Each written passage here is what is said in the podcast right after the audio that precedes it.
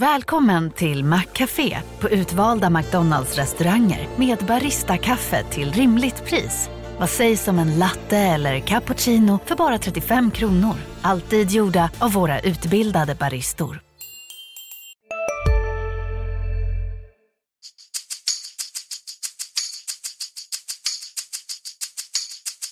Varit mycket, mycket snack om det här inhoppet. Det är svårt att förbereda sig. Va? Så att, eh, det är mycket känslor som spelar över.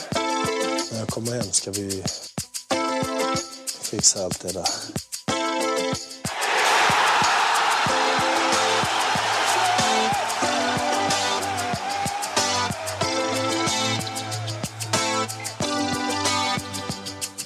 MFF-podden är tillbaka och ni lyssnar på det 95 avsnittet genom historien.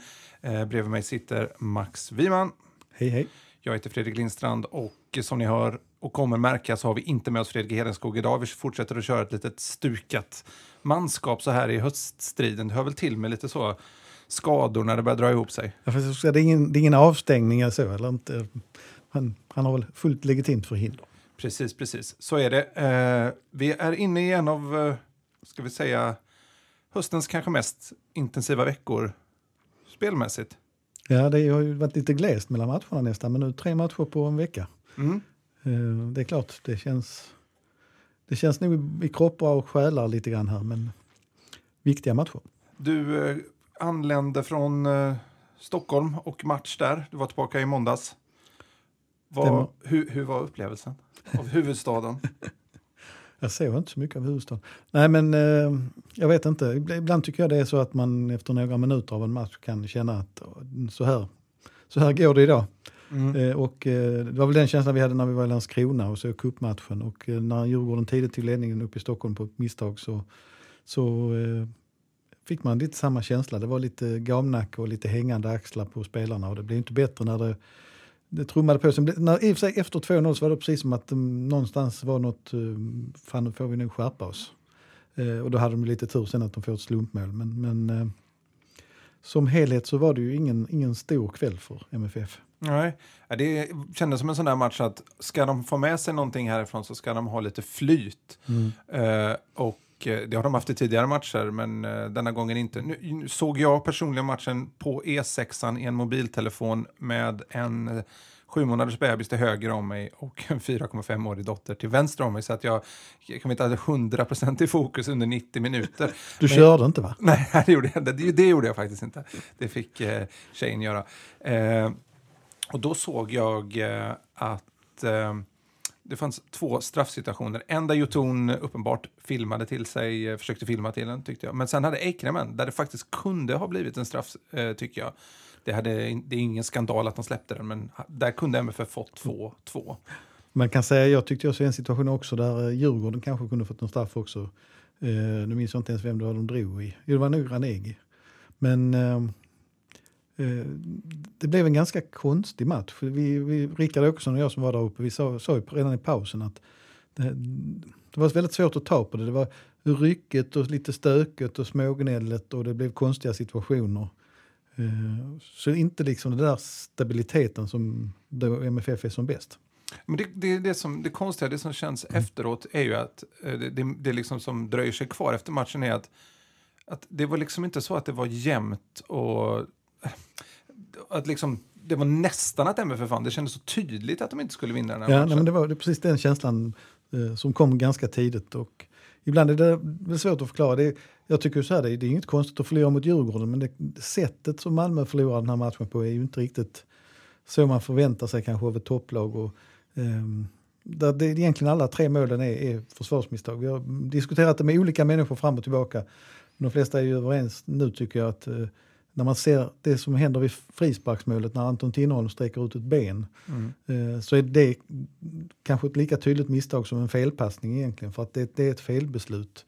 Han har inte jättemycket tid på sig men han har ändå hyfsat och det, det är ju olyckligt. Han, han vill ju bara täcka skottet men någonstans så eh, är det ju inte ett hundraprocentigt läge att sträcka ut benet utan det kan ställa till det. Jag jämförde själv med handboll, det är väl sånt Claes Hellgren tjatar om att har man lämnat ett hörn till målvakten så, så får man lita på att han tar hand om det. Kan, kan en förklaring vara Eh, Allan Korn nämnde ju veckan innan här då att, eh, att de tog det ganska lugnt på någon träning just för grund, på grund av att det var sån urladdning mot IFK Göteborg. Kan det vara någon, Stockholmslagen pratar ju gärna om eh, det post-derby-syndromet mm. och att matchen efter en stor match är så himla svårt för dem att ladda om till. Eh, nu var det, ju, var det ju lite ganska mycket hets mot IFK Göteborg och det är ju en stor match. Eh, eh, även om det inte är ett derby då, men det... Kan, kan det vara ett sånt grej att man har svårt att tända, tända det kan ju ha varit så, men samtidigt tycker jag det är lite konstigt eftersom de trots allt vann med 3-1 mot Göteborg och borde ha väldigt mycket positiva känslor med sig. Mm. Eh, och dessutom har det gått bra faktiskt på Tele2 Arena de senaste gångerna man har varit där uppe. Så att, eh, eh, jag vet inte, det, det, det, är väl lite grann som MFF är men inte, inte så ofta. Men det finns ju matcher att peka ut. Eh, Kalmarmötena, Sundsvall och framförallt Jönköping tidigt i våras. Att det är precis som inte laget riktigt är där från början. Mm. Ja, vad, om man tittar på anfallsparet pratade ju väl, pratades ju, det är väldigt, väldigt mycket om efter IFK Göteborg. Mm. Där, där, nu behöver man inte vara frukta Kjartansson, men eh, att, att, han har försvunnit. Men eh, hur tyckte du det funkade? Eh, nu denna match, match två. Jag vet inte. Det, ja, det, sen om hur mycket det var deras fel eller det var andra saker i spelet är alltid svårt att säga. Men det funkar mm. ju inte alls denna gången. Nej. Eh, jag vet inte hur du upplevde det, men, men det, kändes, det fanns inget samarbete och de var nästan inte med i spelet heller. Och Jeremejeff vann inga dueller. Mm. Nej, det är det som är det svåra. Alltså det, det, någonstans tycker jag en ganska stor förklaring ligger i det här att det här är Djurgårdens högsta nivå. De kan vara så bra i vissa matcher och MFF har fått dem på ett väldigt, för, för deras egen del, dåligt läge så att säga. Djurgården har börjat få upp farten, de, har, de är liksom borta från toppstriden men de behöver inte, det finns inga liksom psykologiska knutar för dem. De kan bara tuta och köra. Mm. De, har fått in, de fått in en ny tränare och några pigga ben här i sommar och nu börjar saker och ting stämma och de kommer säkert plocka en hel del. De kom, jag skulle mycket väl kunna tänka mig att de blir det allsvenska höstlaget. Det finns ju alltid ett sånt. Mm, det är mycket möjligt, absolut. Eh, en sak som jag reflekterade kring Djurgården var att jag kände lite tveksamhet kanske sådär om vad Magnus Eriksson skulle göra och det har varit trögt för honom i Brönnby och Kina var ett konstigt äventyr. Men den energin han spred sig runt sig tror jag har, har väldigt stor betydelse för deras spel faktiskt. Mm, jag noterade väldigt mycket ilska mot honom eh, i sociala medier. Alltså, nästan så att man börjar skratta lite för sig själv för man tänker ju alla precis de där sakerna som ni gnäller på som han gjorde nu, det var ju precis därför han var så himla uppskattad mm. i Malmö FF. Eh, jag tycker att han gjorde en fantastiskt bra match. Det, man ser att när han får flow och sådär, man tycker att det, det är lätt att säga så, han skulle ju MFF behövt det, men det är lite, kanske lite konstigt att inte, mm. det inte gick att lösa någonting med honom. Ja, det är lite konstigt. det, det är ju dolt i, dolt i dunkel fortfarande varför det inte blev någonting. Nej. Det kan vara att man tycker att han är lite för lik Magnus Wolf Eikrem egentligen. Det kan det vara, det kan vara att det inte fanns pengar i i spelarbudgeten och att man tyckte att man, truppen var så stor redan. Men, mm. men det, det lät på honom själv i alla fall som att det var rätt så seriöst eh, snack. Ja, precis. Jag har, eh, om man nu tycker att det var jobbigt den här förlusten mot eh, mot Djurgården då, så hittade, hittade var någon på Twitter, givetvis, jag har glömt av att kolla vem det var. Eh, får höra av sig till mig på Twitter så kan jag säkert credda den i efterhand, men som plockat fram lite intressant statistik från 10-talet här då att eh, de gångerna som Malmö FF åkt upp till Stockholm och förlorat mot Djurgården, då har det blivit SM-guld. Eh, de gångerna som Malmö FF åkt upp till Stockholm på 10-talet och tagit poäng, alltså vunnit över Djurgården, då har det, blivit, har det inte blivit något SM-guld. Allt kan bevisas med statistik. Ja, precis. precis. Så eh, det, det kanske var ett tecken detta kan det kanske till och med vara ett beställningsjobb. om, om, fast Allan Korn är inte en sån, uh, han, han, är inte sån uh, Nej, Vidskeplig också? Nej, jag tror inte det. Det är ju förutom när det straffar. De kan han, inte se ju. Precis. Han, han, har även varit väldigt tydlig med att uh, han nu bara tar en match i taget och tänker sätta det starkaste laget mm. och inte bry sig om underlag eller motstånd. Uh, är det verkligen rätt att göra det? Om man tittar nu på de här två matcherna som kommer så kanske det kan, kan det vara rätt att balansera startelvan? Jag, jag tror att detta är Lex Landskrona, att han, eh, där det blev total pannkaka och där han ändrade alldeles för mycket. Eh, hade det varit Åge Hareide hade han nog sagt att han hade sett de här tre matcherna som en enhet. Men jag, jag, jag kan, jag, jag tycker nog det är rätt att köra startelvan. Men eh, det som, det har ju faktiskt Kuhn delvis erkänt själv, det här med att byta är ju inte hans styrka och det, där är det ju fortsatt lite märkligt. Um, bänken mot Djurgården var ju ganska svag. Mm. Det, det, var, det var inte så där jättemycket att kasta in men å andra sidan så kanske det just det ändå var läge att göra bytena bara för att få någon form av förändring då så att säga. Och man rycker ju lite på ögonen när det kommer in två, okej nu kall, kanske är inte riktigt rättvist att kalla Erdal Rakip för defensiv mittfältare, men till stor, en hårt arbetande mittfältare och en defensiv mittfältare byta in det med, vad var det, åtta minuter kvar. Ja. Det, det är kanske inte det mest kreativa draget när man ligger under med två mål. Nej, och det kändes som att det kunde lika gärna varit så nästan att byta. Mm. Men, men eh, han hade ju inte mycket kreativitet på bänken den här gången. Men, eller, alltså, man ska inte miss, det är inte inga dåliga spelare, men han har ju inte mycket anfallskraft på bänken. Och det, det, det är ju ett dilemma just nu, så är det. Mm. Ja, det visar ju sig att det, är- det, de, de by, bytena under de två senaste matcherna visar ju faktiskt på att truppen är den är inte tunn, men den är kanske lite skev. Ja, den är ju skev, det är ingen tvekan om det. Det är alltså och nu tre blir- vänsterbackar Ja. mot IFK Göteborg och så nu de här bytena då. och massa inom. Och, och inte, och nu blev det ju extra olyckligt av att Berget inte kunde spela. Jag hade känt redan innan när de skickade upp 19 man att det var något lurt. Ja, det brukar, det brukar, det, det brukar oftast vara någon skadad. Eh, Och det, det, det, är klart att med honom hade de ju haft alternativ att bolla lite annorlunda med laget. Eh, vi sitter här, alltså det är två dagar kvar till eh, Elfsborgs-matchen.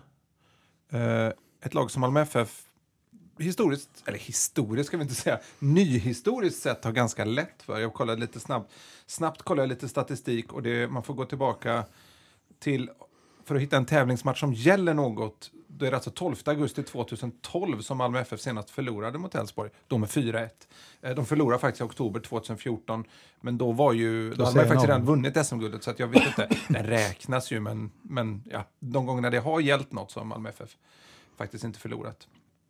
Eh, Dock är kryss ett ganska vanligt resultat. Men eh, ja, jag vet inte om det är någonting att hänga upp sig på, men det, man, man känner ju ingen skräck för Elfsborg i Malmö FF. Det luriga är väl att Elfsborg är ett sånt här lag nu som spelar lite ingenmansland och kanske inte har så där jättestor press på sig. Men, eh, och har ju farliga spelare, kvicka spelare framåt. Och det är klart att MFF måste ha bättre ordning på försvarsspelet framför allt. Sen är, blir det ju annorlunda på hemmaplan. Det jag kan tycka är lite fundersamt är att det då är sålt relativt lite biljetter med MFF mot mätt. För jag tror att de behöver verkligen hjälpen hemma på hemmaplan just nu att vända det här. Jag tror också generellt att MFF har varit rätt bra på att studsa tillbaka efter förluster. Undantaget är ju cupfinaldramatiken när man förlorar mot HIF sen matchen efter. Sen var Men det t- två förluster i början av säsongen. Ja. Där, eh, men sen dess har man ju varit eh, klockrena. Ja, Jag tänker även om jag tittar lite, lite mer bakåt de senaste åren så tror jag de har varit rätt duktiga på det här. Ehm, och det är ju naturligtvis oerhört viktigt att göra det. Ehm, det finns ju en fördel kan jag tycka att de spelar efter Norrköping även i den här omgången. För att, ehm, på något sätt så eh, antingen vet de att det är kniven på strupen eller så har de fått lite hjälp. Så att eh, hur, hur det än går så har de nog någonting att spela på. Ja, precis. F- eh, 15 994 biljetter eh, sålda i nuläget. Eller, eh, ja, precis. Eh, Och det, det låter ju konstigt att det är lite, men det, mm, med tanke på att det är guldstrid så är jag förvånad att det inte ligger upp mot 20 000 faktiskt. Det är ju Ja. en vardagskväll också. Så. Ja, precis. Torsdagskvällar och sånt där, det brukar ju vara. Just Elfsborg är ett lag som traditions, traditionsenligt har lockat en hel del folk här nere. Nu har ju de, det har ju oftast hängt ihop med att de ofta har varit ett topplag. Ja. Men eh, ganska kan- underhållande om man liksom känner om någon slags objektiv kan nyta. eh, Det, det, det, det är kanske ingen som bryr sig om sådana saker, men eh, att det brukar vara trevlig fotboll att se på. För den objektive som lyssnar på Det detta. blir nog sällan 0-0 mellan de lagen faktiskt. Nej, precis. Det var, väl, det var ju nära nu senast då i Mm. våras, men det såg ju Marcus Rosenbergs tå till att, det- att det inte blir någonting. Men om man tittar på, på startelvan där, nu har ju Kuhn sagt då att han tänker eh, köra på ganska mycket på den, den så kallat starkaste Mm. elvan då, de som vann senast kan man väl säga. Eh, hur resonerar han nu tror du? Ja, det är en bra fråga. Mm. Eh, Att Abraham Safari kommer tillbaka det är ju helt givet anser jag. Ja, det, det, saknaden av honom kändes större än vad jag trodde faktiskt. Ja, jag, tror att, eh, jag tror att många har underskattat hans betydelse faktiskt. Att, Mm.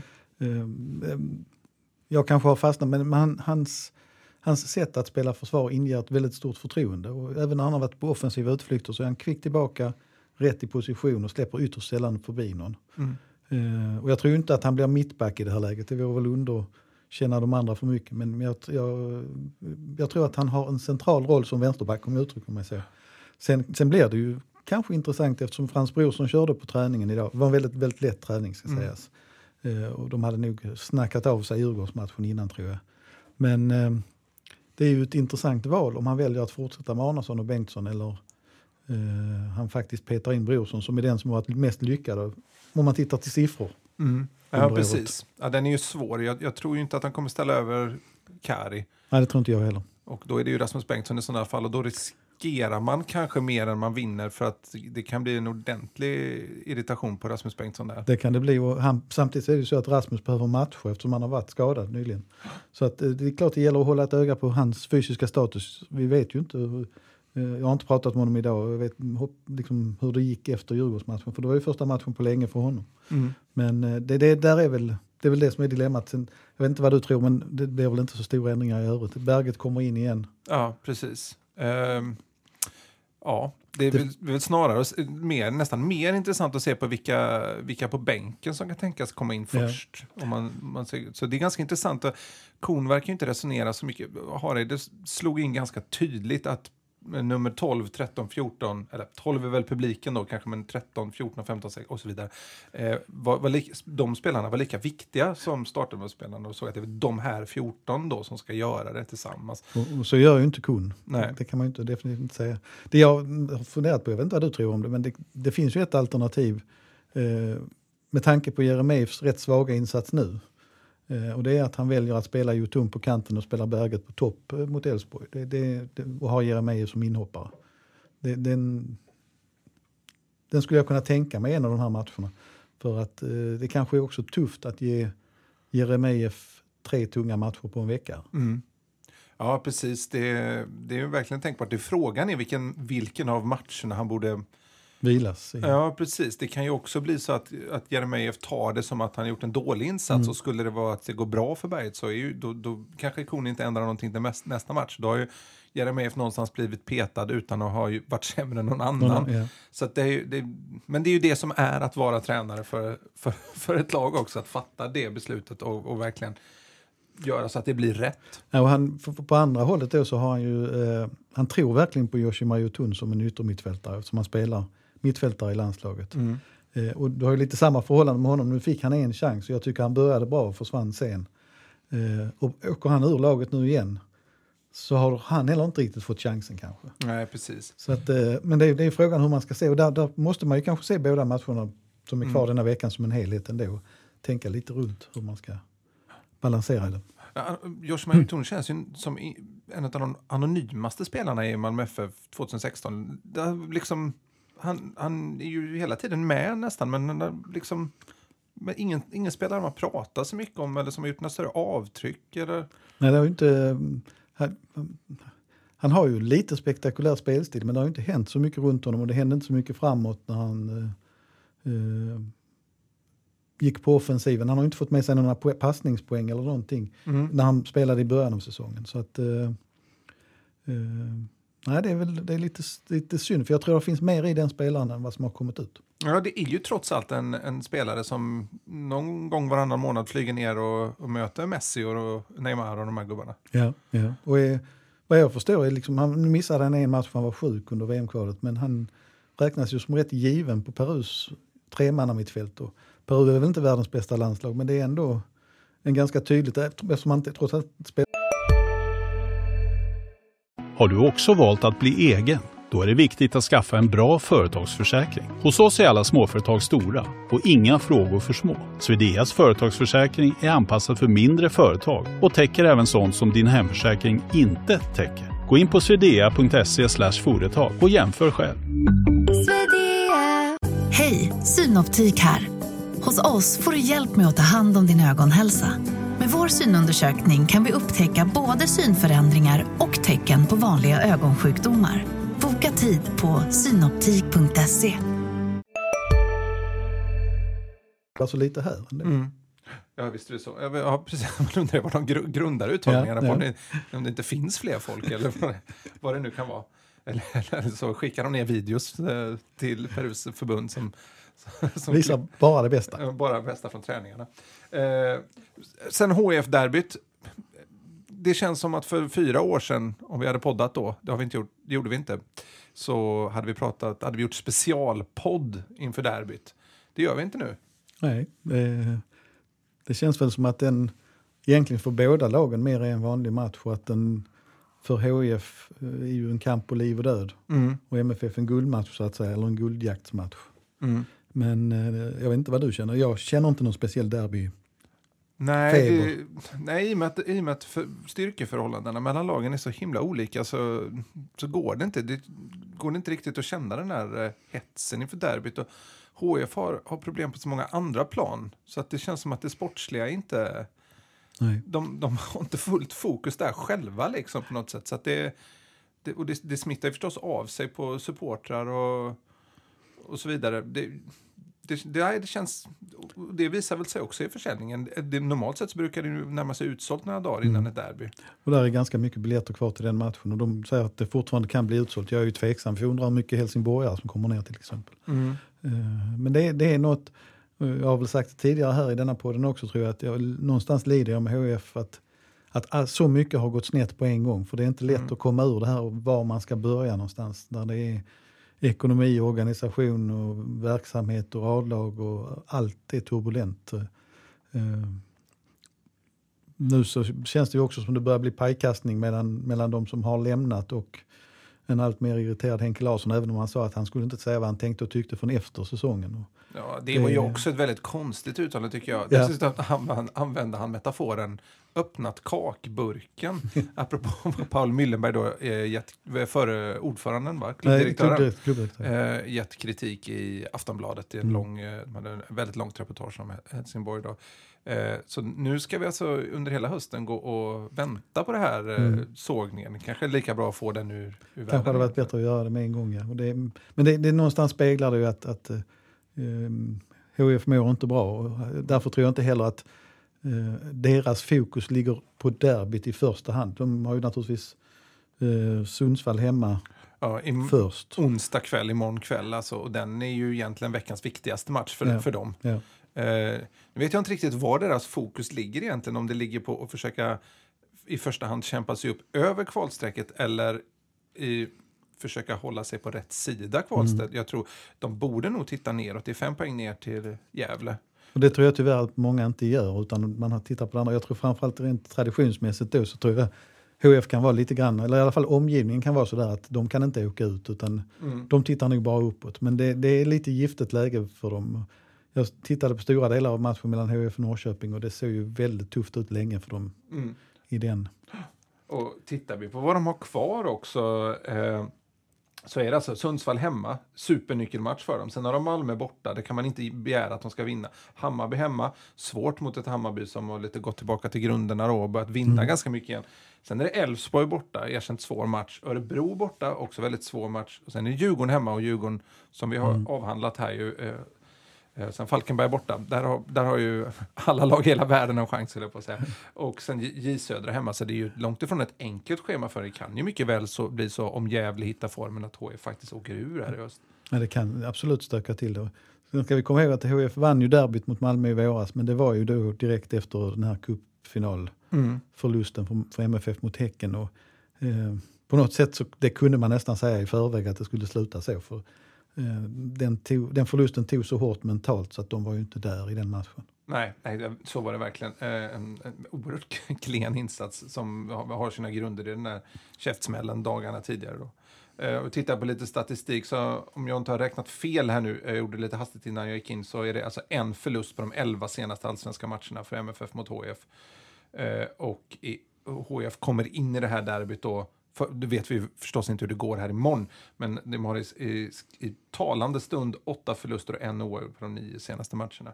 Det är ju... eh, Jag tror de har en seger sedan i maj någon gång. Ja, det är ju ja, makabert, man väl säga. Ja, det är ju, de har ju tappat massor av spelare, tappat massor av kraft, haft mycket skador och så vidare också. Men, men eh, man trodde väl ändå att de skulle klara sig lite högre upp. Och det är väl eh, kanske det, delvis på grund av att Jönköping och Östersund har gått mycket bättre än vad många förväntade sig. Precis, precis. Östersund har vi ju där som kan faktiskt eh, stoppa, eller bromsa Norrköping imorgon.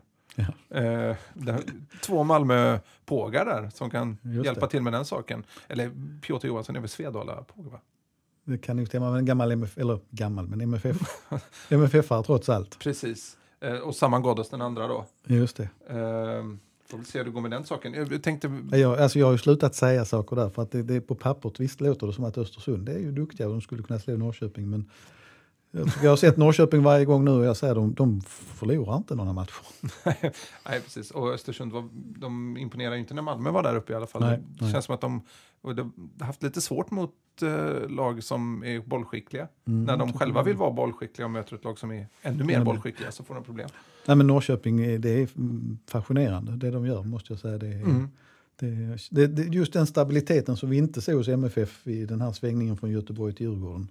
Precis. Jag tänkte vi skulle komma till, eh, till IFK Norrköping som, som förstås eh, lag, laget som hänger över en skugga över den här stan som vi lever och verkar i. På något sätt nu. De vägrar ju förlora. Eh, man kan ju peka på hur mycket som helst som är till exempel åtta startspelare från förra året som är borta. Och de har en ny tränare. Och sen har de ju, det är ju, det är korsbandsskador och det är försäljningar och allt möjligt liksom. Och nu är- Berk, Berkerud avstängd mot Östersund men det kommer väl inte märkas det heller. Nej, nej, de skyfflar väl upp någon, någon 14-åring som, som smä- smäcker in en två, tre baljor där. Eh, nej, men det, det är fascinerande hur de kan... Men, men- men jag, jag, jag tänker ju inte svika min inställning om att de inte kommer hålla hela vägen. Jag, jag skulle tycka att det var jättekonstigt om de fortsätter vinna. Nej men så är det, men jag, jag börjar tro att de gör det. Det jag har sett eh, MFF-supportrar på sociala medier som också liksom börjar erkänna att men de, de gör så det här så bra så det, det är liksom, de är bäst just nu helt enkelt. Ja, och de, det känns som att de puttrar på ett ganska... Spelschemat för dem är, ju- verkar, har varit ganska skönt den senaste tiden, får man väl ändå säga. De har ju mött, och det ska man komma ihåg, de har ju mött mer bottenlag och eh, har väl kvar någon sån match ytterligare här. Eh, men de har en tuffare avslutning sen på serien och det, det är klart att eh, Djurgården på söndag, de har AIK kvar och de har naturligtvis Malmö kvar. Det är, det är inga givna matcher. Jag vet inte om de rent av har Göteborg kvar också. Precis, de har ju Göteborg hemma i sista Ja, omgången. det. Det är där vi har den här, det kan bli ett motsatt förhållande mot hur det, serien slutade förra gången. Men de har, alltså, de har ju, det känns som att de här två matcherna denna veckan, eh, någonstans kan man väl vänta sig att lagen, att, att, att Norrköping får ihop fyra poäng på de matcherna då, i alla fall Djurgården borta, Östersund hemma. Eh, åtminstone. Men sen, sen så kommer både de två omgångarna som följer, då har Norrköping AIK borta och MFF hemma. Eh, och MFF har Häcken borta och sen då Norrköping förstås borta. Det, de omgångarna känns enormt viktiga. Det är, så är det absolut. Jag tror det, jag tror det är viktigt för MFFs del att de inte är så att de måste jaga en seger i Norrköping faktiskt. Eh, För jag tror att om de måste jaga den så kan det riskera att det smäller på andra hållet istället. Utan, eh, de, naturligtvis så tror jag att de, de går för seger i vilket fall som helst men de, om de måste vinna då tror jag att det kan bli eh, besvärligt. Eh, satt och kollade på Häcken igår förresten i Göteborgsderbyt där mot IFK Göteborg och de eh, har ju eh, de har en ruggig högsta nivå Häcken. Eh, så Kamara som MFF var sugna, snu, sugna på i vinter med att smacka in en, en boll som var, var ett galant mål. Men de, de som vanligt lite förvirrade. Eh, kanske lite så MFF-syndrom, var lite så här trögstartat emellanåt. Men deras andra halvlek var ju verkligen imponerande och Farner bidrar ju med ganska mycket i, i det laget. Där kan, där kan man känna att MFF på förhand får, får problem där uppe. Det är det tycker jag också som är så konstigt. De har ju alltid problem där uppe, säga, men, men, de har alltid, men ehm,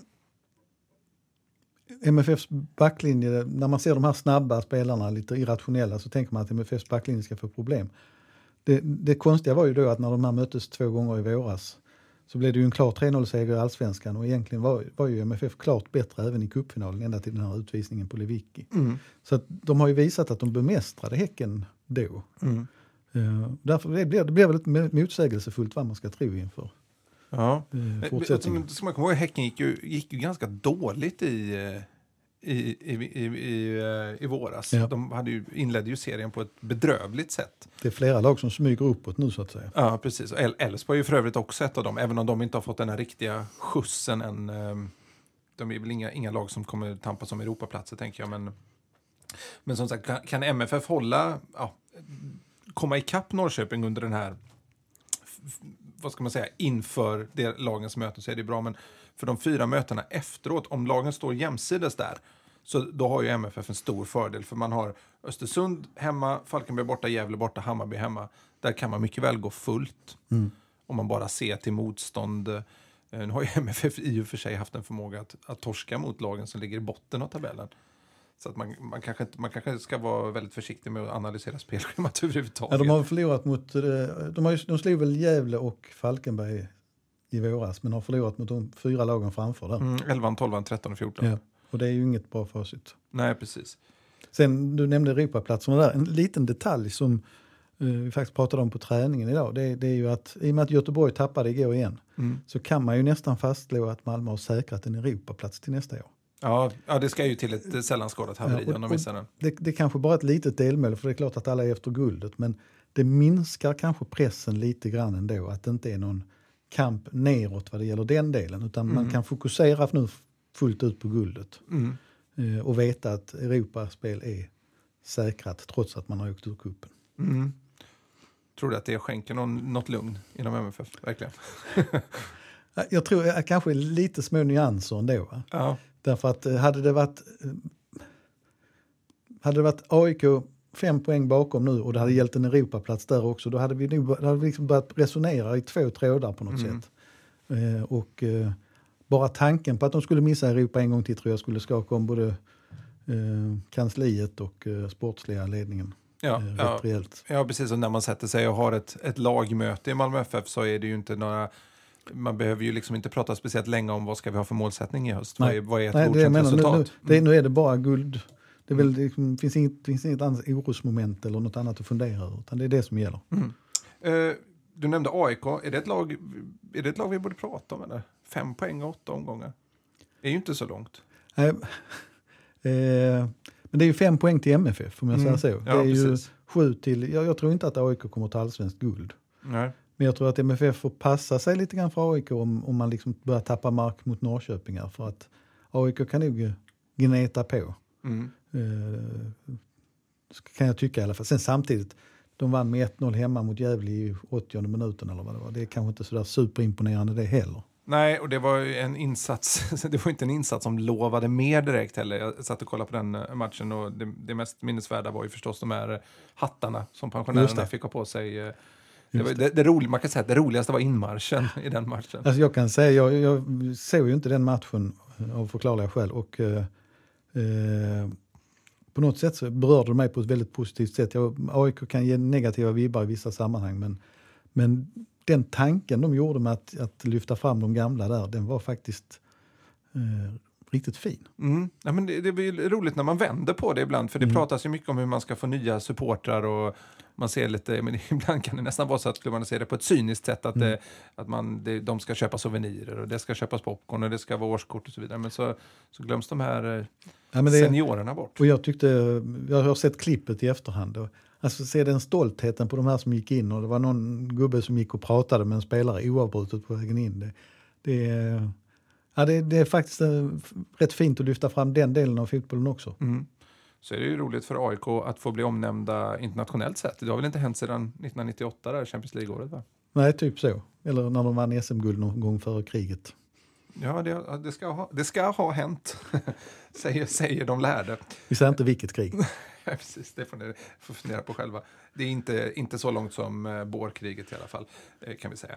Men eh, komma ikapp Norr... eh, Det, det, det, det som talar, jag, jag kan nästan känna med AIK att jag är överraskad över att de har tagit så många poäng som de har gjort med, med det spelet. Det, på ett sätt är det ju nästan en Norrköpingsbedrift att de har vunnit så mycket. På, på Men ett de- sätt. Men de, för de har ju inte ett spel som, som de borde ha tagit så mycket poäng Men med. de, de har mer, bättre spelare kanske, tycker man på pappret. Men, eh, men eh, jag tyckte att Norling fick lite ordning på det i början, men det kanske har fallerat lite grann mot slutet här igen. Men jag, det är samma sak, alltså återigen, jag tror inte att de kommer ikapp både Malmö och Norrköping, det tror jag inte. Nej, precis. Nej, men det lustiga är ju att, att, att, att det är ju en, någonstans en positiv känsla i AIK, men när vi summerar så är de ju fortfarande kvar där på den där tredje platsen som de nästan alltid tar. Ja. Men eh, det, vi kanske lämnar AIK där helt enkelt och eh, tar oss, eh, tittar in i den här som med, mot Elfsborg och, och Helsingborg. Och, och om du var tvungen att säga hur det går för mig för de matcherna, vad skulle du säga då? Jag tippade rätt på Djurgårdsmatchen. Hade du 3-1 Djurgården? Jag sa 3-1 till Djurgården. Gud, undrar vad sa jag? Jag sa nog inte rätt i alla fall. Eh, Jag brukar ju inte vara sådär jätteduktig på att tippa. Nej, men då gäller det desto viktigare att lyfta upp när man faktiskt haft rätt. men, eh, nej, men det är väl, eh, jag, jag tror att MFF slår HIF ganska enkelt. Mm. Eh, Elfsborgsmatchen är, är mer svårbedömd. Och, eh, eh, det kan låta som eh, vad ska man säga, en, en PR-maskin för mer publik på läktarna. Men jag, jag tror faktiskt att publikens insats eh, mot Elfsborg kan vara väldigt avgörande. Därför att kan man piska igång laget Mm. så är mycket vunnet. Eh, och man har, MFF har ju mer att spela för och det gäller att studsa tillbaka. Eh, Det gäller att inte få in någon dålig känsla från Djurgården-matchen. Och då, då, det, det, här har större betydelse än vad många människor tror. Liksom hur helheten funkar och hur man får stödet i ryggen eller om det börjar bli gnälligt efter tio minuter för att det är snedsparkar. Och Malmö FF har ju på något sätt ett lite, det är ju ett extra vapen i guldjakten mot IFK Norrköping. Att man har det stödet och den, och den enigheten som trots allt finns här nere. Eh, den börjar väl gro lite i Norrköping också, men den är ju inte på samma nivå riktigt där, där liksom supportrar och stad är så sammanflätade med laget. Det kan ju, eh, om det går emot, som det har gjort nu ett tag, vändas till ganska hård press mot laget. Men, men en fin insats, eller kanske framförallt då en seger förstås mot Elfsborg, gör ju att man får en jäkla skjuts. framåt sen. Ja. Ja. Och det har ju varit bättre stämning på läktarna de senaste matcherna. Det har varit mer fart. Och det blir väl eh, spel mot ett mål därför jag misstänker att Elfsborg kommer inte ha jättemycket supportrar med sig ner i det här läget. Eh, så att eh, den är svårbedömd men Mm. det, finns det, det är ju bara sex poäng som räknas den här veckan, så är det ju. Jag tror det blir en 2-0 där eh, avgörande i andra halvlek för när Elfsborg, som, som så många gånger förr här nere, börjar gå lite på knäna i andra halvlek. Konstgräslag som tröttas ut. Okej, vad, Ja. tror, vad tror du på söndag då? Eh, 3-0. Då, t- tvärtom scenario, ganska tidigt avgörande och sen så tappar eh, MFF lite av den här hungern efter det för att eh, det finns inget intresse av att, att göra Ja. mer. Jag, jag, jag, tror ju att, att uh, söndagsinsatsen lite grann avgörs ju naturligtvis hur det går på torsdag. Det hänger ju ihop. Men, men om jag förutsätter att MFF har vunnit mot Elfsborg så tror jag faktiskt att det blir 4-0 på söndag. Mm. Men Elfsborg, vad ska jag säga där då? Eh, 2-1. 2-1. Ja, ni får anteckna det här. Eh, så får ni skinnflå oss efteråt när vi har haft fel. Eh, jag ska avsluta med en sista fråga innan vi stänger ner det här 95 poddavsnittet. Och det är vem som är ansvarig utgivare. Har du koll på det? Just det, ska vi tänka. Jag tror det är Pia Enquist fortfarande. Ja, det var faktiskt rätt. Jag har skrivit ner här. Eh, tack för att ni lyssnade. Vi hörs nästa vecka. Hej då! Hej hej.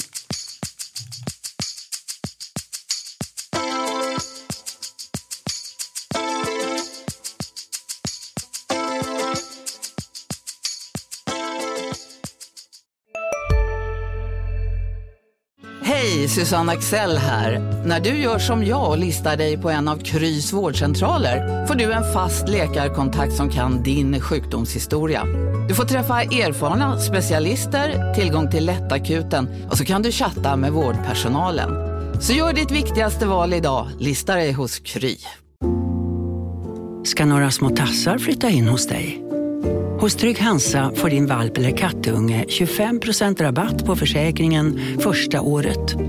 Läs mer och teckna djurförsäkringen på trygghansa.se. Trygg Hansa, trygghet för livet.